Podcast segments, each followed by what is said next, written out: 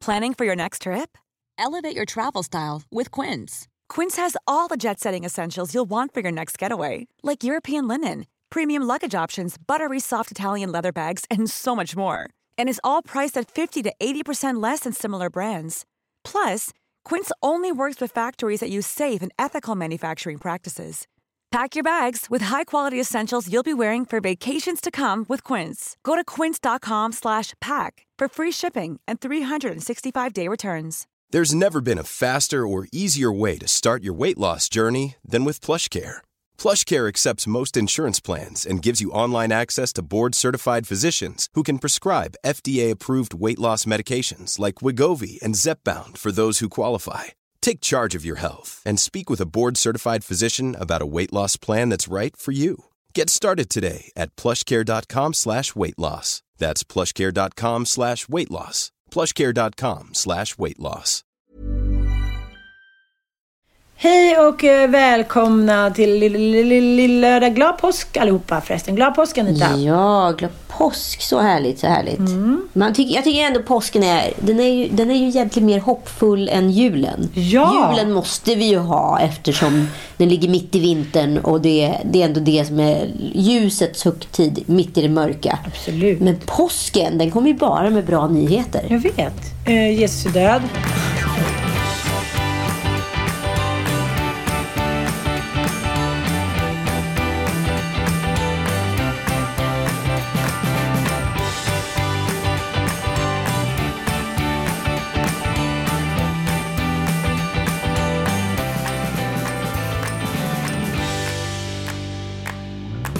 Jag tänkte på det nu när jag sitter här. Jag är på Gotland, vi har lånat några kompisars hus. Och tittar ut och så tänker jag så här, det är väldigt få påskar som det har varit mm. dåligt väder.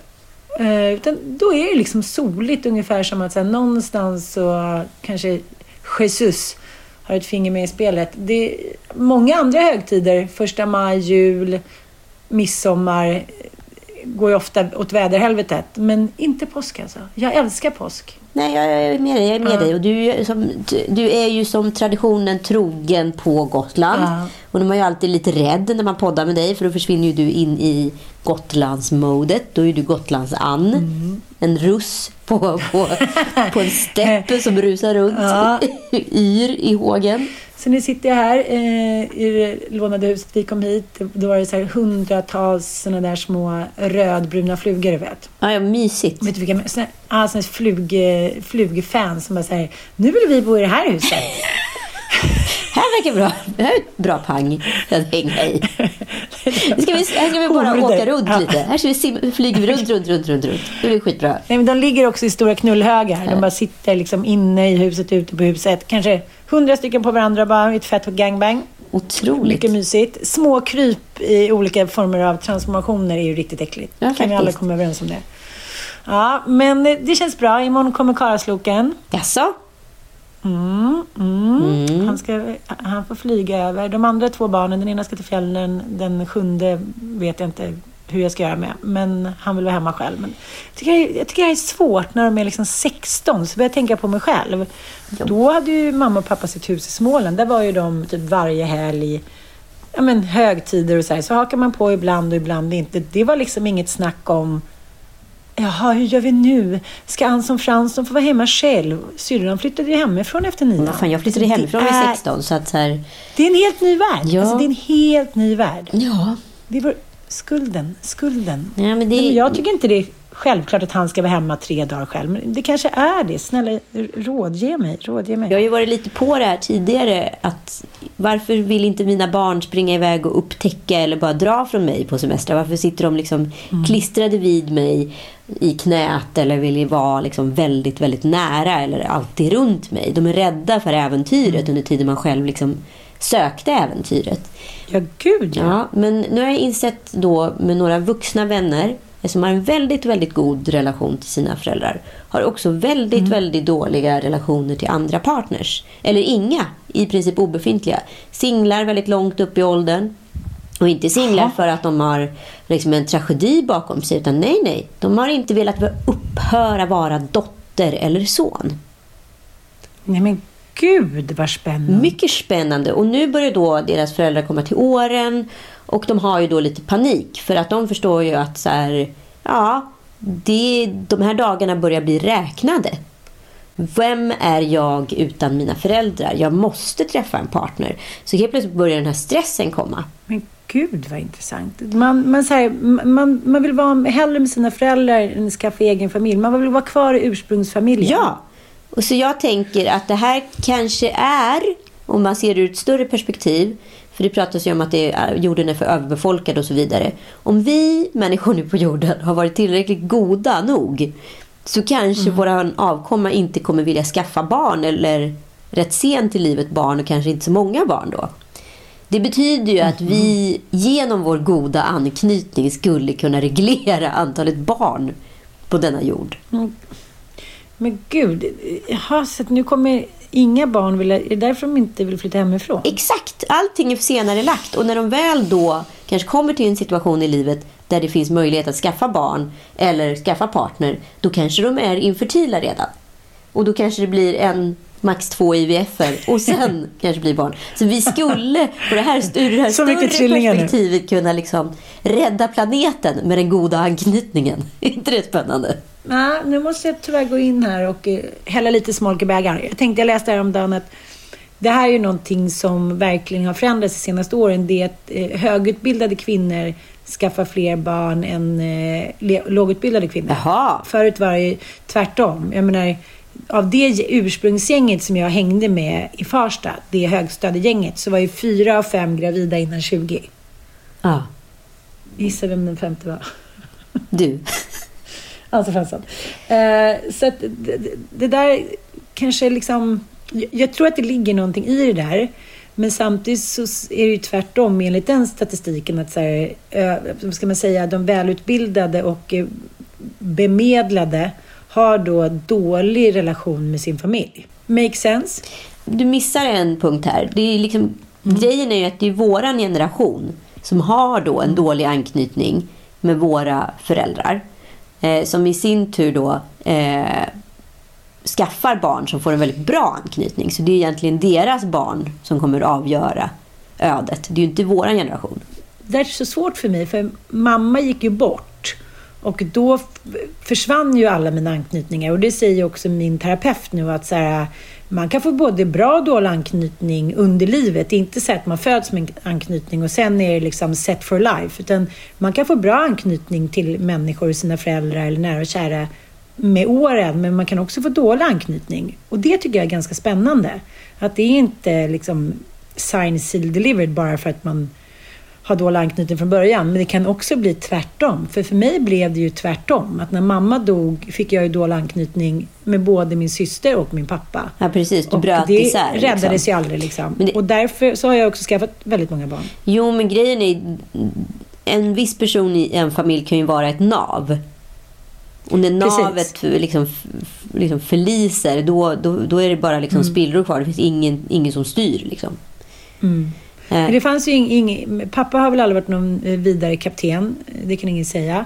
Och det var ju inte farmor heller. Så det finns ju personer i vissa familjer som är väldigt starka och det är lite som när, när de försvinner så är det som att värmen och eh, liksom målet suddas ut på något sätt. Ja. Värmen släcks och liksom den här rikt, den geografiska liksom riktningen bara är så här, kompassen snurrar. Mm. Jag tycker det är ganska läskigt ändå att, att en människa kan påverka så himla mycket. Jag, jag tänker att man måste försöka liksom dela på det där.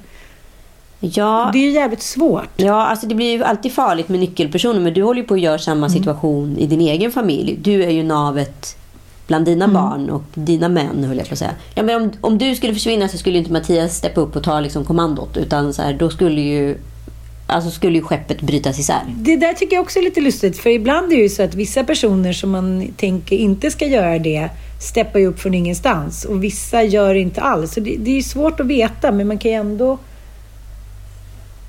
Man kan ju ändå bädda för att inte en person är ansvarig för allting. Men jag håller med dig. Jag, eh, det kan jag inte riktigt säga att jag har gjort. Nej, men och grejen är ju så här, det vi håller på med i våra familjer, det är att vi skapar en oersättlighet till oss själva. Och det finns ju såklart en narcissism i det. Och den oersättligheten eh, Eh, blir ju att vi skapar indirekt då en otroligt god anknytning till våra barn liksom, och barnen till oss. Och eh, de är ju vilsna själar ifall det skulle hända oss någonting. Det vet vi ju. Liksom. Det är ju en bitterljuv symfoni som hela tiden spelas. Mm. Fast det där är också lite olika. Om du tar Elon. Han bara, så kan jag få en lägenhet? Jag orkar inte med bebisarna längre. Eh, skärp er. Alltså, han är ju inte alls likadan. Han är ju så, som vi var. Man är ungdom, man hänger liksom med sina polare, man skaffar en tjej, man, man super lite, man åker utomlands. Alltså han är ju så som jag tänker att de flesta är, men, men runt omkring oss, om, om vi faktiskt har en, ett objektivt öga, så är det väldigt mycket ungdomar som liksom inte riktigt vill, vill släppa sin grundfamilj, utan så här, hänger med upp på semestrar långt i åldrarna. Tänk att jag, mamma och pappa så här, när jag var 20 skulle åka på påsksemester tillsammans eller åka typ till Grankan.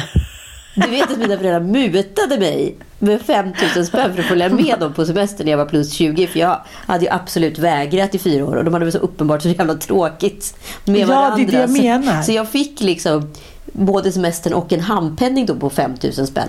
Så det var ju liksom, det var liksom att de, mina föräldrar sponsrade min Nej, semester. Nej, är sorgligt.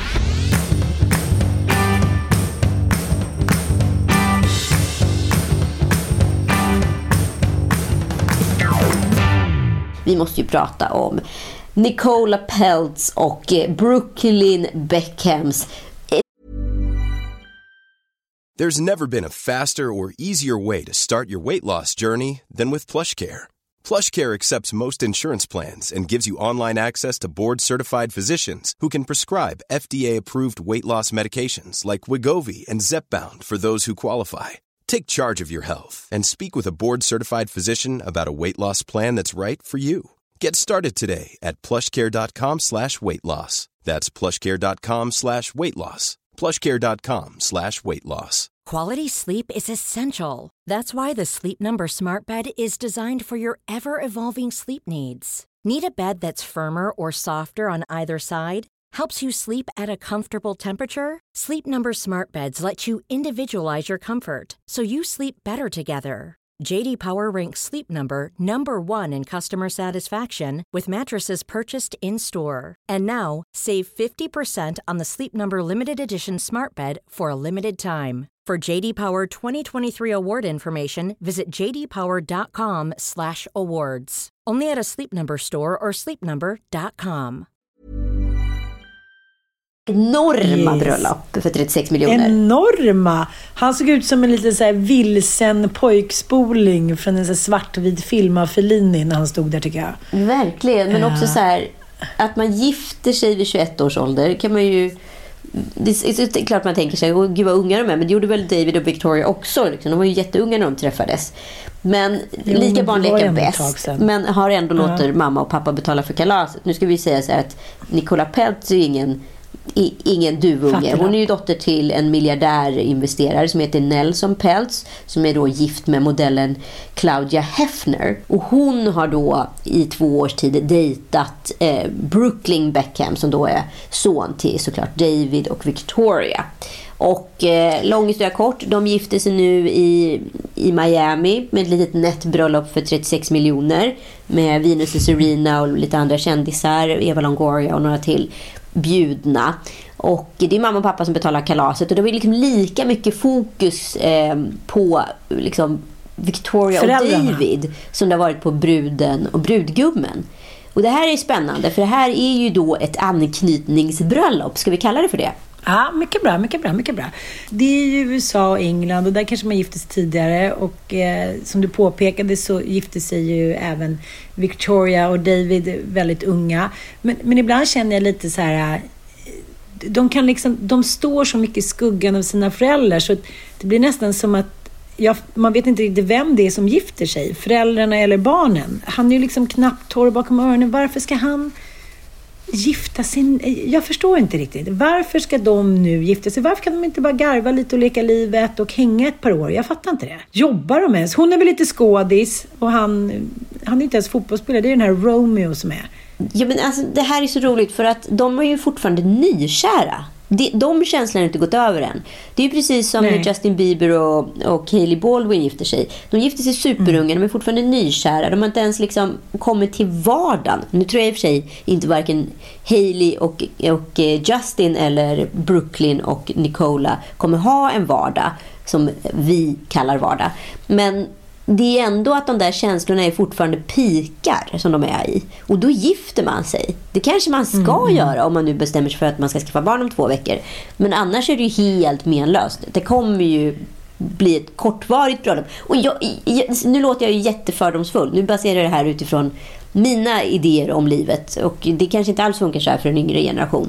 Men jag får ju en känsla av att Victoria är ganska ljummen inför sin, eh, sin eh, svärdotter.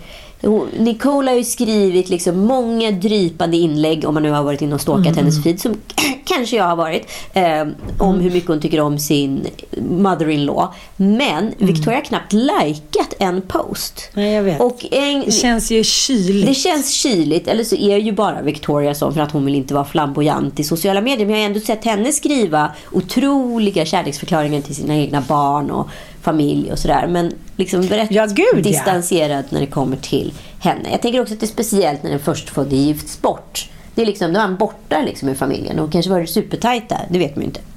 Eh, Jag vet inte, jag bara försöker sätta mig in i samma situation. Okej om Ossian skulle komma hem och hade varit i Vegas och liksom blivit ihop med någon tjej och de hade gift sig liksom efter typ tequila-knack eh, eller någonting. Då skulle man ju säga, men hörni älskling, ja, nu är ni gifta. Okej, eh, ja, då får vi väl ha någon liten fest. Men när man är 21 år, typ precis har blivit myndig, är valpig, inte ens har ett jobb.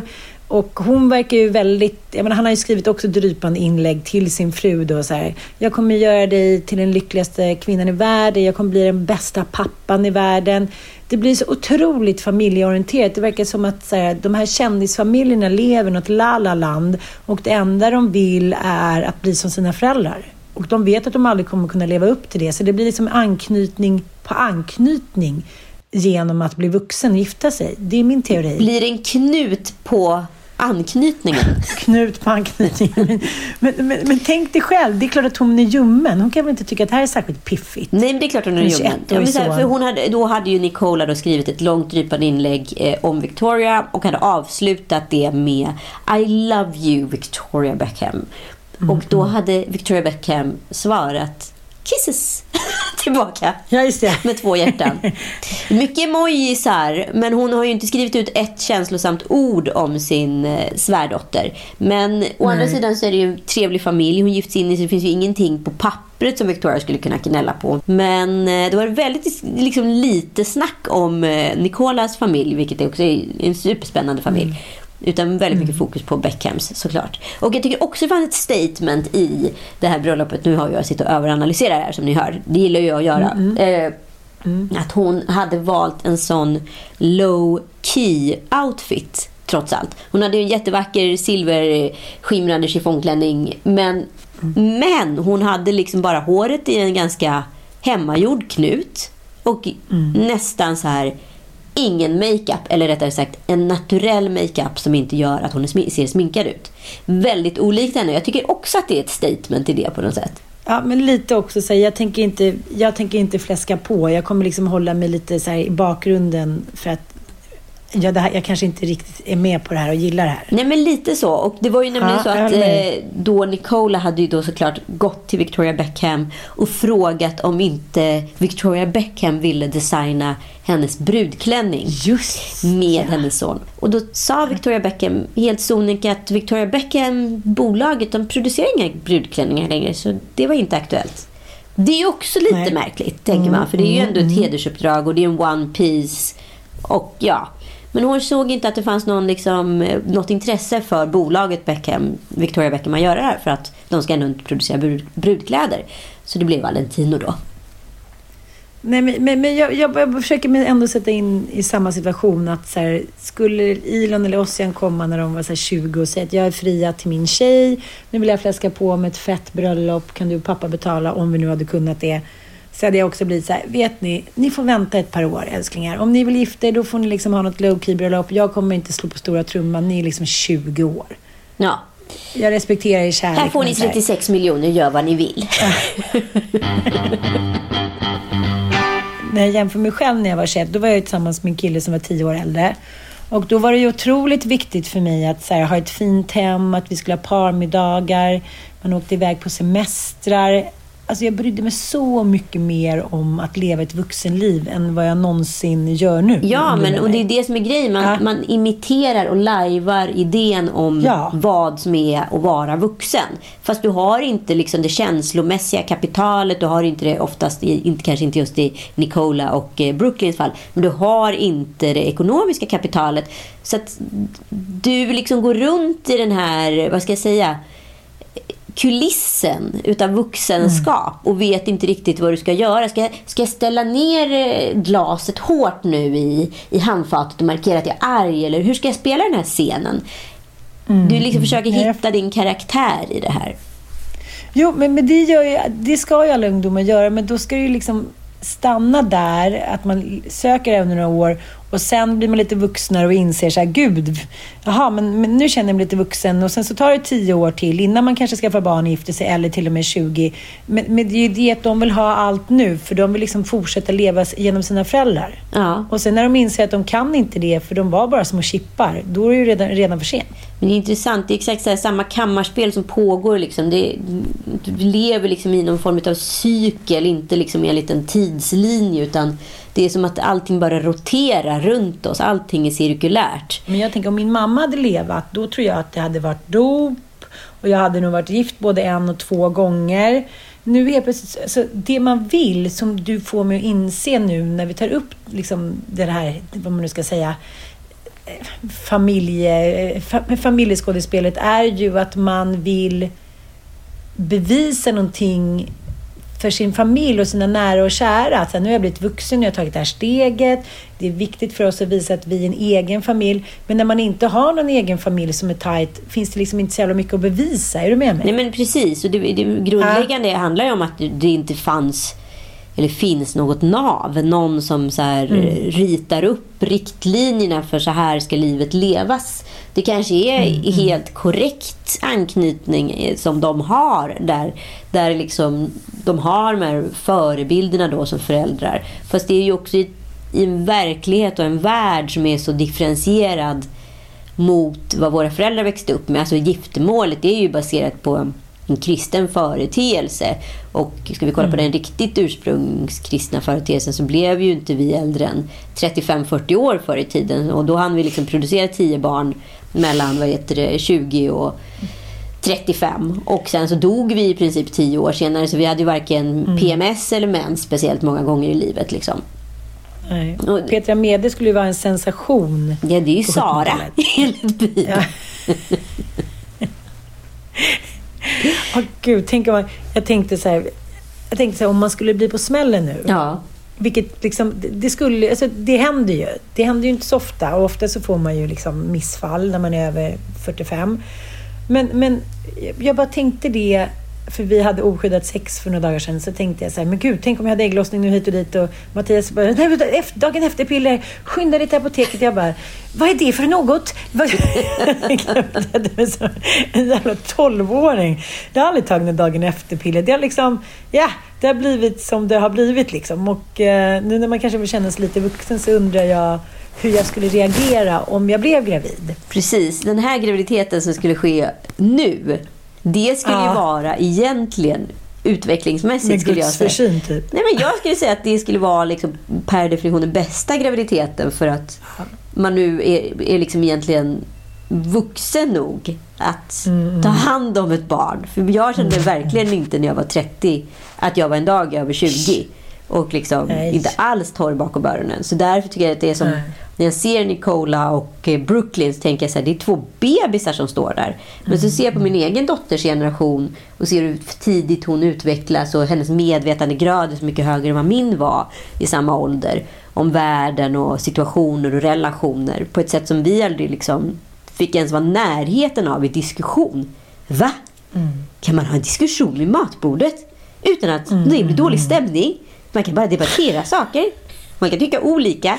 Går det? Utan att pappa går upp och surar framför en p-rulle.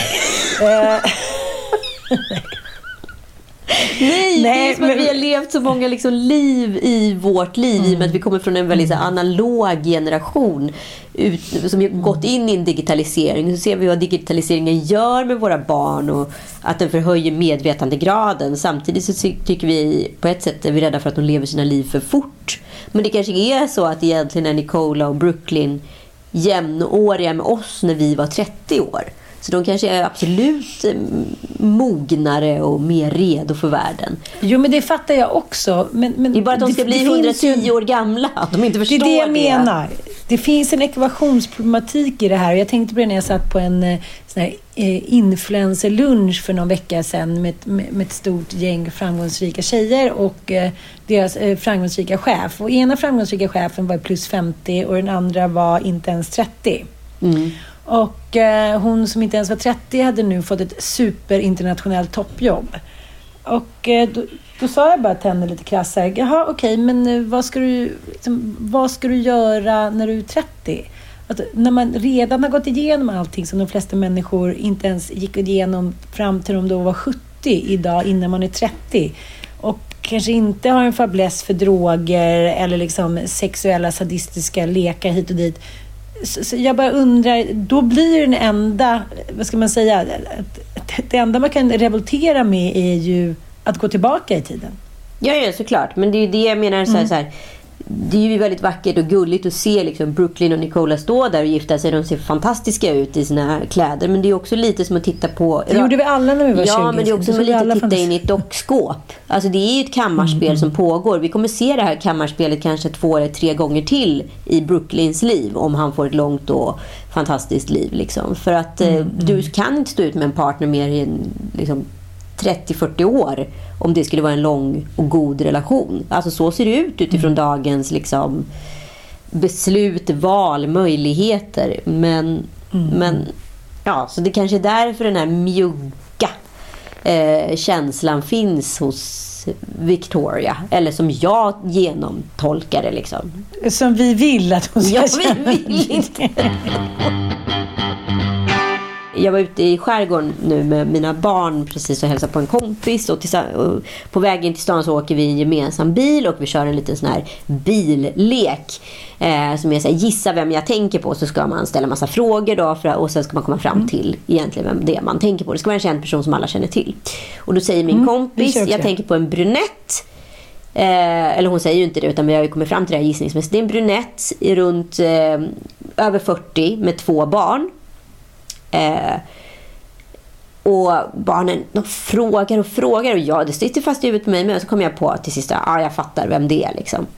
Hon är är känd, men hon är inte känd för att hon är artist. Hon är inte heller känd för att hon är politiker. Hon är inte känd som programledare. Hon är inte känd som kändis eller influencer. Och ja, det slog mig då vem det kunde potentiellt vara. Vet du? Jag trodde det var du. Nej, det är ju inte jag. Nej. Eh, En brunett med två barn är det enda vi har fått som ledtråd.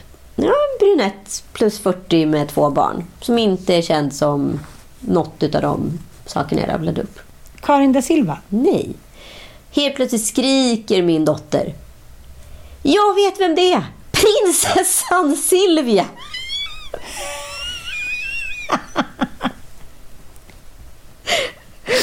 Det var prinsessan Silvia med två Prinsessan barn. Silvia! Och så... de att De har ingen koll, de bryr sig inte. Nej, de bryr sig inte. Jag hade alltså ingen aning om, någon utav dem, Nej. att eh, kronprinsessan heter Victoria. De bryr sig inte. De bryr För sig det- inte. Så det kanske är Nej, bara för- vi som är fixerade vid det här kändisskapshysterin. Mm. Det enda min dotter bryr sig om och tycker är spännande i kändisvärlden det är ju Kardashians.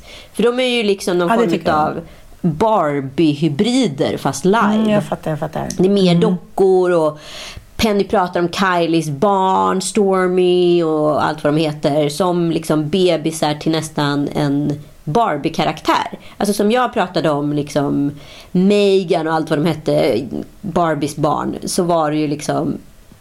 Det, det är på exakt samma sätt de diskuterar, bara att de har blivit på riktigt. Det handlar inte om någon så tradition eller kött och blod att man ska liksom på något sätt Kungahuset eh, är absolut bakgrund. Mm. obefintligt. Det betyder ingenting för vår generations barn. Vilket sätter det här i något perspektiv av att det kanske inte är så intressant med, med kungahus längre. Vad är den nya superkändisen? Vi bryr oss ju inte ens om kändisbarn eller har koll på dem. Och är, är kändisar bara till för vår generation? Förstår du? Jag Med fattar. 60 till 80. Sen är det inte så relevant längre. Mm, nej, men det kan nog ligga något i det. Jag tror också att... Eh, jag tänkte på en grej när jag satt med min eh, bokredaktör och han berättade om min bokidé och så här. Och han var men du får inte, du får inte glömma vanlisarna. Jaha, vad menar du? Så här, men det låter kul, liksom, det är bra, men du får inte glömma med vanlisarna. Och då tänkte jag så här, årets stora supersuccé är ju Je m'appelle Agneta av Emma Hamberg. Just det, precis. Mm. Handlar om en vanlig kvinna med en vanlig medelårskris. Mm. Som bestämmer sig för att dra till Frankrike och gå liksom, någon språkkurs. Och... Jag har inte läst den själv, men den har ju sålt i hundratusentals exemplar. Och jag tror att mycket handlar om att man har en dröm om fortfarande att en vanlis kan leva ett extra härligt liv. Ja, det är ju motsvarigheten framstår- till man som heter Ove då, skulle man väl kunna säga. Precis, precis. Och jag tänkte även på det när Karin da Silva, eh, som gör, ja, hon är ju influencer, före detta dansare, syns i TV och har en egen podd och sådär. Hon lägger upp massa humorklipp på sin Instagram som är så här... Ja, och framförallt men TikTok Virala väl? succéer. Precis. Och nu har hon lagt upp då eh, en fredagsfilm där hon tar av sig bhn under tröjan. Och hon är ju ingen sulfid. Hon har ju liksom... Och hon har inte gjort någonting särskilt. Hon har ja, men två ammandes eh, ganska rejäla hängbröst som hon själv uttrycker det, citat. Så det har ni inte hört från mig. Och eh, sen dansar hon runt liksom, som i en tokig dans och tuttarna skuttar omkring. Liksom. Det ser ju väldigt roligt och eh, livsbejakande ut. Vet du hur många eh, views den filmen har? Nej, 55 miljoner. Åh fan. Mm, oh fan. Så jag, jag tänker att det, det, det kanske är vi som är kvar där och alla andra tyck, liksom, vill ha va- vanliga människor som gör vanliga grejer med vanliga kroppar. Jag vet inte. Ja, Är du med ja, mig? jo, absolut. Jag är med dig. Jag tror, liksom, jag, tror, jag tror att vår, fixeringen runt kändisskapet, den är ju baserad på vår...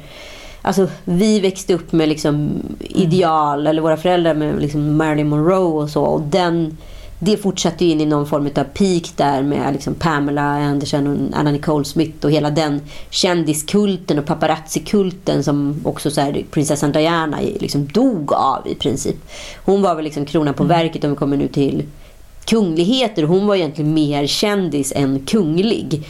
Men på något sätt så blev hon ju också den sista kungligheten. Och nu verkar ju kungligheterna vara 100% liksom avglorifierade i och med att eh, våra barn inte ens har koll på vår kommande kronprinsessa. Det, men jag, jag tänker också att, att om man ska få vara en kunglighet, då måste man också bete sig som en kunglighet. Och jag tänker att, lite när jag lyssnade precis på den där dokumentären om kungen. Ja, Den ofrivilliga monarken som, ja, det är samma eh, titel som på boken som kom ut. Som beskrev då eh, kungens snedsteg, kungens otrohet, kungens fester, kungens samröre med den undre världen och bla bla bla. Jag tänker också att det blev en sån otroligt stor grej. Liksom. Eh, men sen dess har ju, har ju hela kungafamiljen haft en liksom, lite mer lägre profil. Just för att de vet att de är sårbara. Det var de ju inte fram till för bara tio år sedan. Det var ju inte någon som skrev om kungafamiljen. nej. Det här har ju försökt manglas ut liksom sedan 80-talet men, men det är ingen som har vågat skriva om kungligheter. För att folket vill inte det. nej. Det, det, liksom, det handlar mest om att det är människor. Vi vill inte att de som vi ser upp till ska vara mänskliga. Vi vill att de ska vara superhjältar och är de inte det så vill, så vill vi inte se det. nej. Och så är det väl lite också man tar med, i familjen. Liksom. Hela 40 40-talistpapporna är ju uppbyggda på att så här, papporna är superhjältar. Liksom. Ja. Man älskade papporna, de frånvarande papporna och hatade de närvarande mammorna. Liksom. För att man vill inte det. Man vill att pappor ska vara superhjältar och det är det som jag tror är så otroligt stort samhällsproblem nu när, när det är så jävla många farsor som inte är så bra förebilder. Det finns inga hjältar längre och då blir kidsen, men alla de här unga killarna, de blir liksom vad, vad ska de, vilka, vilka är deras role models liksom? Mm. Så allting går hand i hand där.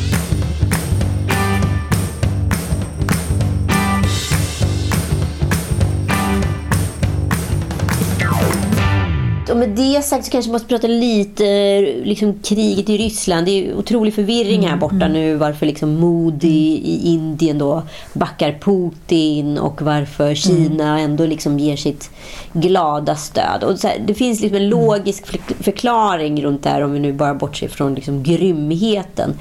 Eh, mm. alltså, USA har historiskt stöttat Pakistan med mm. vapen och kärnkraft för att kunna rikta det mot Indien. Indien har ju då haft backning av Ryssland i den här frågan. De eh, avslöjade också att de hade kärnkraft runt 1989 eller vad det var. Eh, och då har ju de liksom Rysslands support. Och Kina har ju liksom en ja, kroniskt pågående liksom konflikt med USA om stormaktsväldet precis som Ryssland. Ryssland och Kina finns ju, har ju alltid någon form av allians även om Kinas allians också är med USA som är en handelsallians. Så Kina är ju liksom lite mitt emellan här. Men varför anledning varför liksom Putin och Moody polare, det handlar ju egentligen om en konflikt med USA. Så kan man ju säga. Bara så vi förklarar lite vad det är ja, som ja, händer ja, i världen. Jag fattar, jag fattar, och det här, om man börjar kolla på det utifrån, ett så här relationsperspektiv så är det ju liksom som ett återigen tillbaka till det här kammarspelet. Det är som ett pågående svartsjukedrama. Vi skulle kunna plocka ner det till liksom skolgårdsnivå eller så förstorar vi upp det till en världskonflikt. Mm. Det starkaste ordet här emellan är fortfarande ett förlåt som ingen vill yttra till varandra.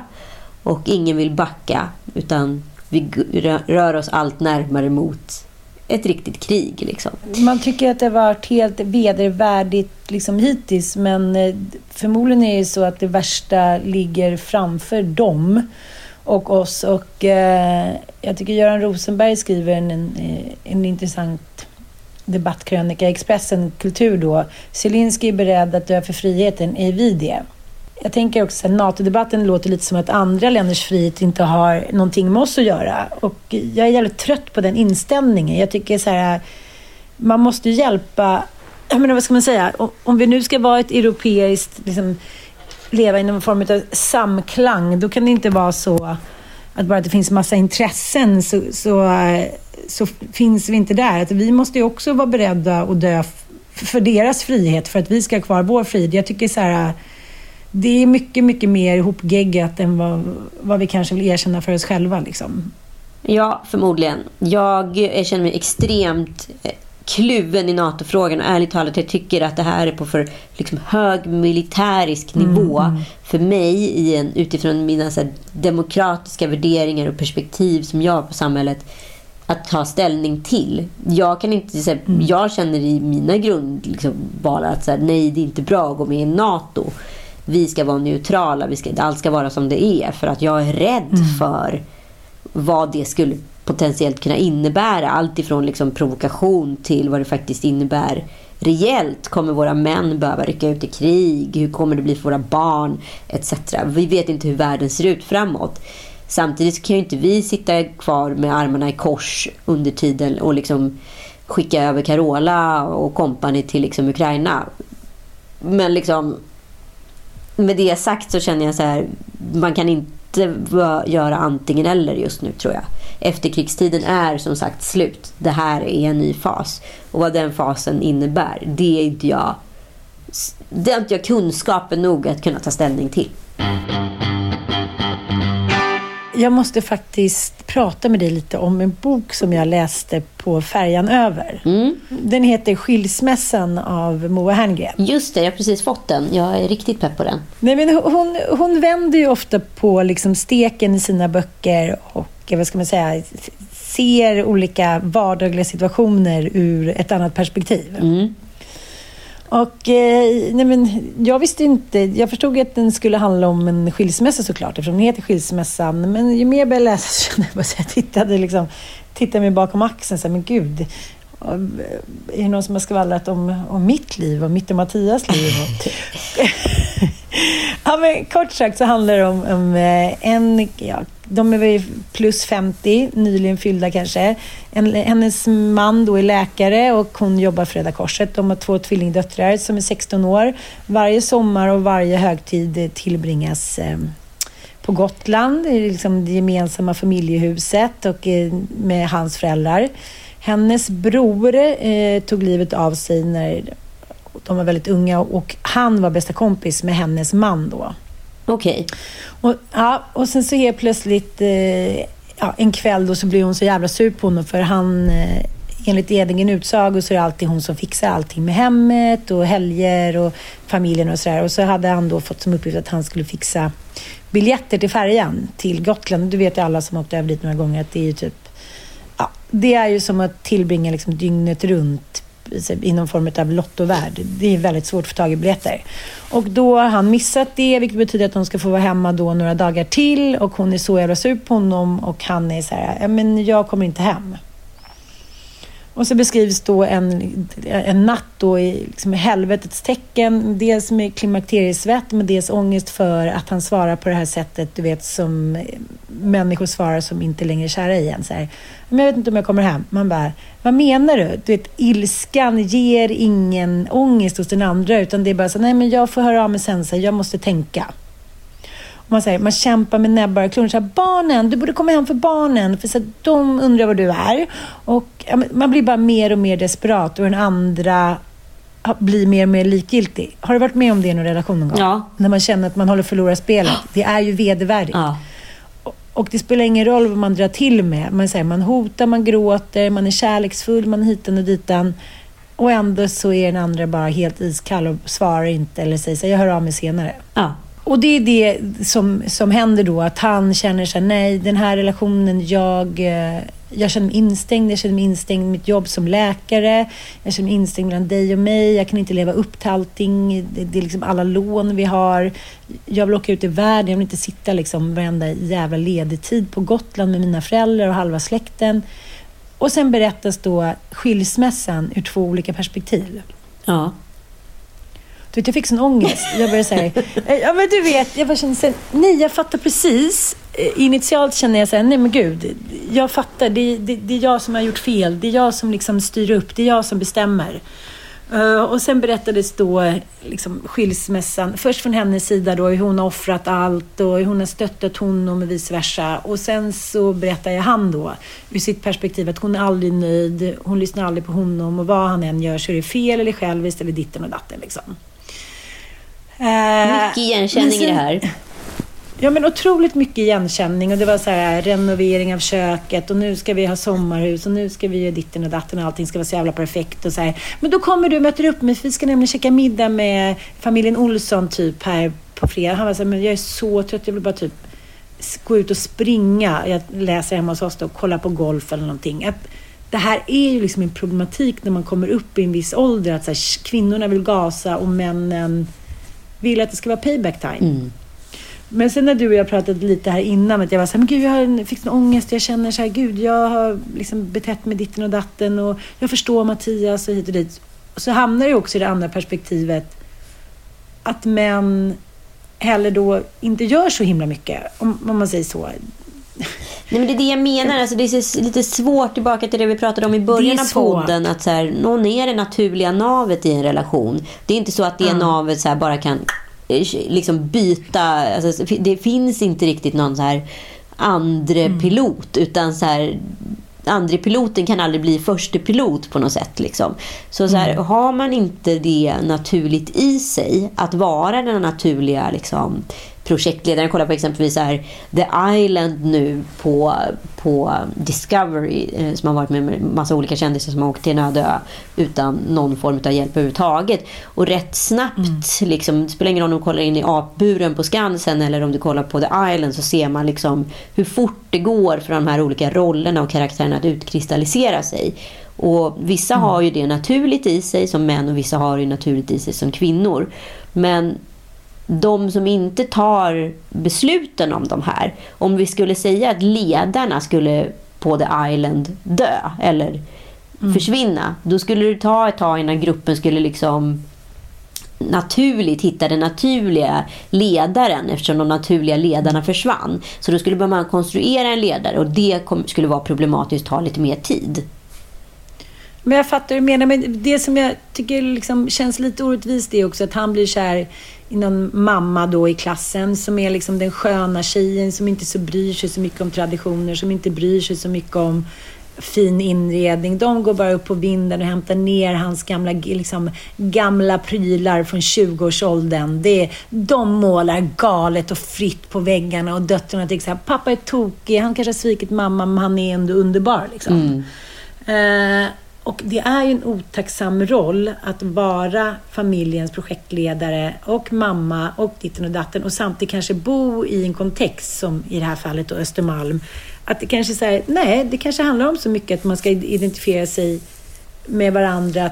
Man, man kanske inte får vara med i flocken om man har liksom ett hippiehem och inte hänger med på de här fredags på broms jag tycker det är komplicerat och alla de där intrikata sociala spelen som vi kvinnor håller på och arbetar hårt med varje vecka och ändå så är det så svårt och man missar signaler och man missar att man har sårat någon eller hiten och diten. Men det är ju ändå för fan ett halvtidsjobb. Och det slipper ju också männen och sen så då när familjen börjar bli lite ja, det är inte småbarnsåren hit och dit. Då tänker man så här, men då kanske vi kan göra någonting tillsammans. Och då vill snubben ha lite softish och skönt. Ja, men det är det här som är så intressant. Jag kommer ihåg att jag fick frågan på någon arbetsplats eh, när jag satt i något HR-samtal om jag skulle beskriva min roll då som projektledare. Och då sa jag, men projektledare det är det där jobbet som eh, ska finnas men inte synas. Och syns man som projektledare då är det oftast för att någonting har gått fel. Och det tycker jag liksom ringar in lite i rollen. Jag märker ju att i hemmamiljö som mamma så är jag väldigt mycket tråkigare för att jag är projektledaren. Eh, och mm. liksom mm. har hela den ansvarsbiten och hålla koll på allting och vilka läxor som ska göras, när barnen ska i säng, eh, vem som ska på sig vad, vem leker med vem, logistik etc. Träningar, bla mm. bla bla. Allt där. Det finns inte så mycket utrymme för lust i projektledaryrket som man önskar Nej. att det kunde ha. Men nu på semestern i Paris med barnen, där var jag för första gången liksom upplevde jag själv bara mamma. Mm -hmm. men, Utveckla. Ja, men, begreppet bara mamma var väldigt mycket mer lustfyllt. Jag, jag, jag märkte att jag så slappnade av, jag busade med barnen, jag, jag lurade dem, skojade med dem. Kunde liksom tillåta mig själv att vara mycket friare i min roll. Mm. Kanske lite som mm. en pappa. Nu blir det väldigt klyschigt, det är väldigt könsbetingat. Jag är inte säker på att det här är könsbetingat. Jag tror snarare det handlar om vem som är vem i familjen. Liksom. Eh, mm. Och likadant när jag är med min väninna och vi är tillsammans med våra barn. Liksom, då märker jag att jag blir också så väldigt mycket friare i mitt moderskap. Att jag blir den som kliver fram och kanske tar de här eh, ja, men naturliga bitarna av humor och lättja som kanske Joel bidrar med i vår familj. Mm. Men det jag finns fattar. inte riktigt utrymme för mig i vanliga fall. Och det är inget skyll på mm. honom utan det är bara så rollfördelningen ser ut. Men jag märker när jag mm. kan slappna av och inte sitta med det här totala ansvaret och bara vara att jag är väldigt mycket roligare som förälder. Ja, och det, försökte, liksom, det där är också svårt att förklara tycker jag. Jag kommer ihåg när vi köpte vårt hus på Gotland och det var ju efter då en sommar med tre, liksom mina tre barn, eh, en ny bebis, eh, en man som liksom var förvirrad i sin nya roll, svärföräldrar som kom och hälsade på, man skulle åka runt och flytta flytta och man skulle hyra hus hit och dit. Jag bara var ett vrak efter den här sommaren. Jag hade så stora röda utslag över hela kroppen och bara kände så här, nej men det här går inte en sommar till. Alltså det går inte en sommar till. Men, men det är ju en, en inre stress som man såklart som mamma då inte alltid skyltar med, utan man vänder den inåt. Jag tänker på allt från för förlossningsskador till utmattningssyndrom. Det handlar ju om att kvinnor stänger in en inre stress för att man liksom inte pallar med rollen man har. Och då, då finns det, men vi kan väl bara slappna av, vi kan väl bara vara hemma så här i påsk, vi kan väl bara softa. Det är som jag säger till Mattias, men det spelar ingen roll. Det är ändå jag som ser till att alla har det mysigt. Det är ändå jag som lägger fram duken, eh, köper påskägg. Vad blir det för skillnad? Då är det klart att jag hellre åker någon annanstans. Men den som dukar äter... bordet njuter ju sällan lika mycket av middagen. Precis. För den som bara njuter av middagen, den kommer ju till ett dukat mm. bord. Ja, Underbart, underbart. Och då tänker jag så här, om man skulle få allt det tillbaka.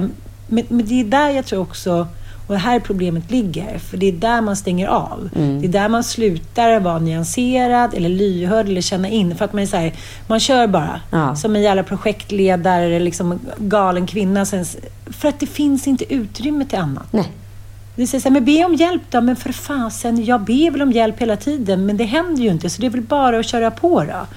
Så jag tycker att det är svårt, men det blir också att man blir inte så lyhörd för en an, hur den andra människan känner. För att man tänker bara så här, ungarna ska iväg, då ska vi fixa det, hiten och ditan. Det är svårt att lösa tycker jag, mer än att man kommunicerar och det är det som försvinner. Liksom. Mm. Det första som försvinner när, när man hamnar i någon form av stress. Ja, absolut. jag vet inte. Ja, kom gärna med goda råd till eh, projektledarduellen. Eh, man kanske ska ha så här tio minuter varje dag där man bara defilerar och går igenom så här, vad känner du hit och dit så blir det inte sådana stora liksom, dueller och kraschar varje gång som, som båda känner sig sårade. För det är det som är en flaskhals. När det väl kommer fram då så är liksom, då blir det mycket skit som kastas åt alla håll. Liksom. Mm.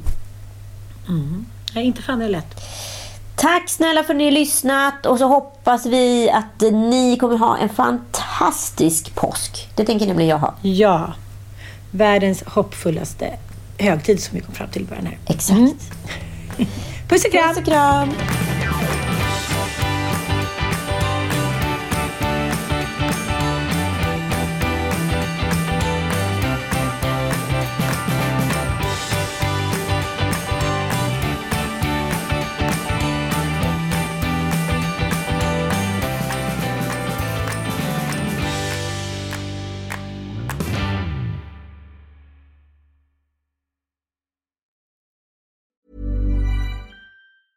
Planning for your next trip? Elevate your travel style with Quince. Quince has all the jet setting essentials you'll want for your next getaway, like European linen, premium luggage options, buttery soft Italian leather bags, and so much more. And it's all priced at 50 to 80% less than similar brands. Plus, Quince only works with factories that use safe and ethical manufacturing practices. Pack your bags with high-quality essentials you'll be wearing for vacations to come with Quince. Go to quince.com slash trip for free shipping and 365-day returns. Hey, it's Paige DeSorbo from Giggly Squad. High quality fashion without the price tag. Say hello to Quince.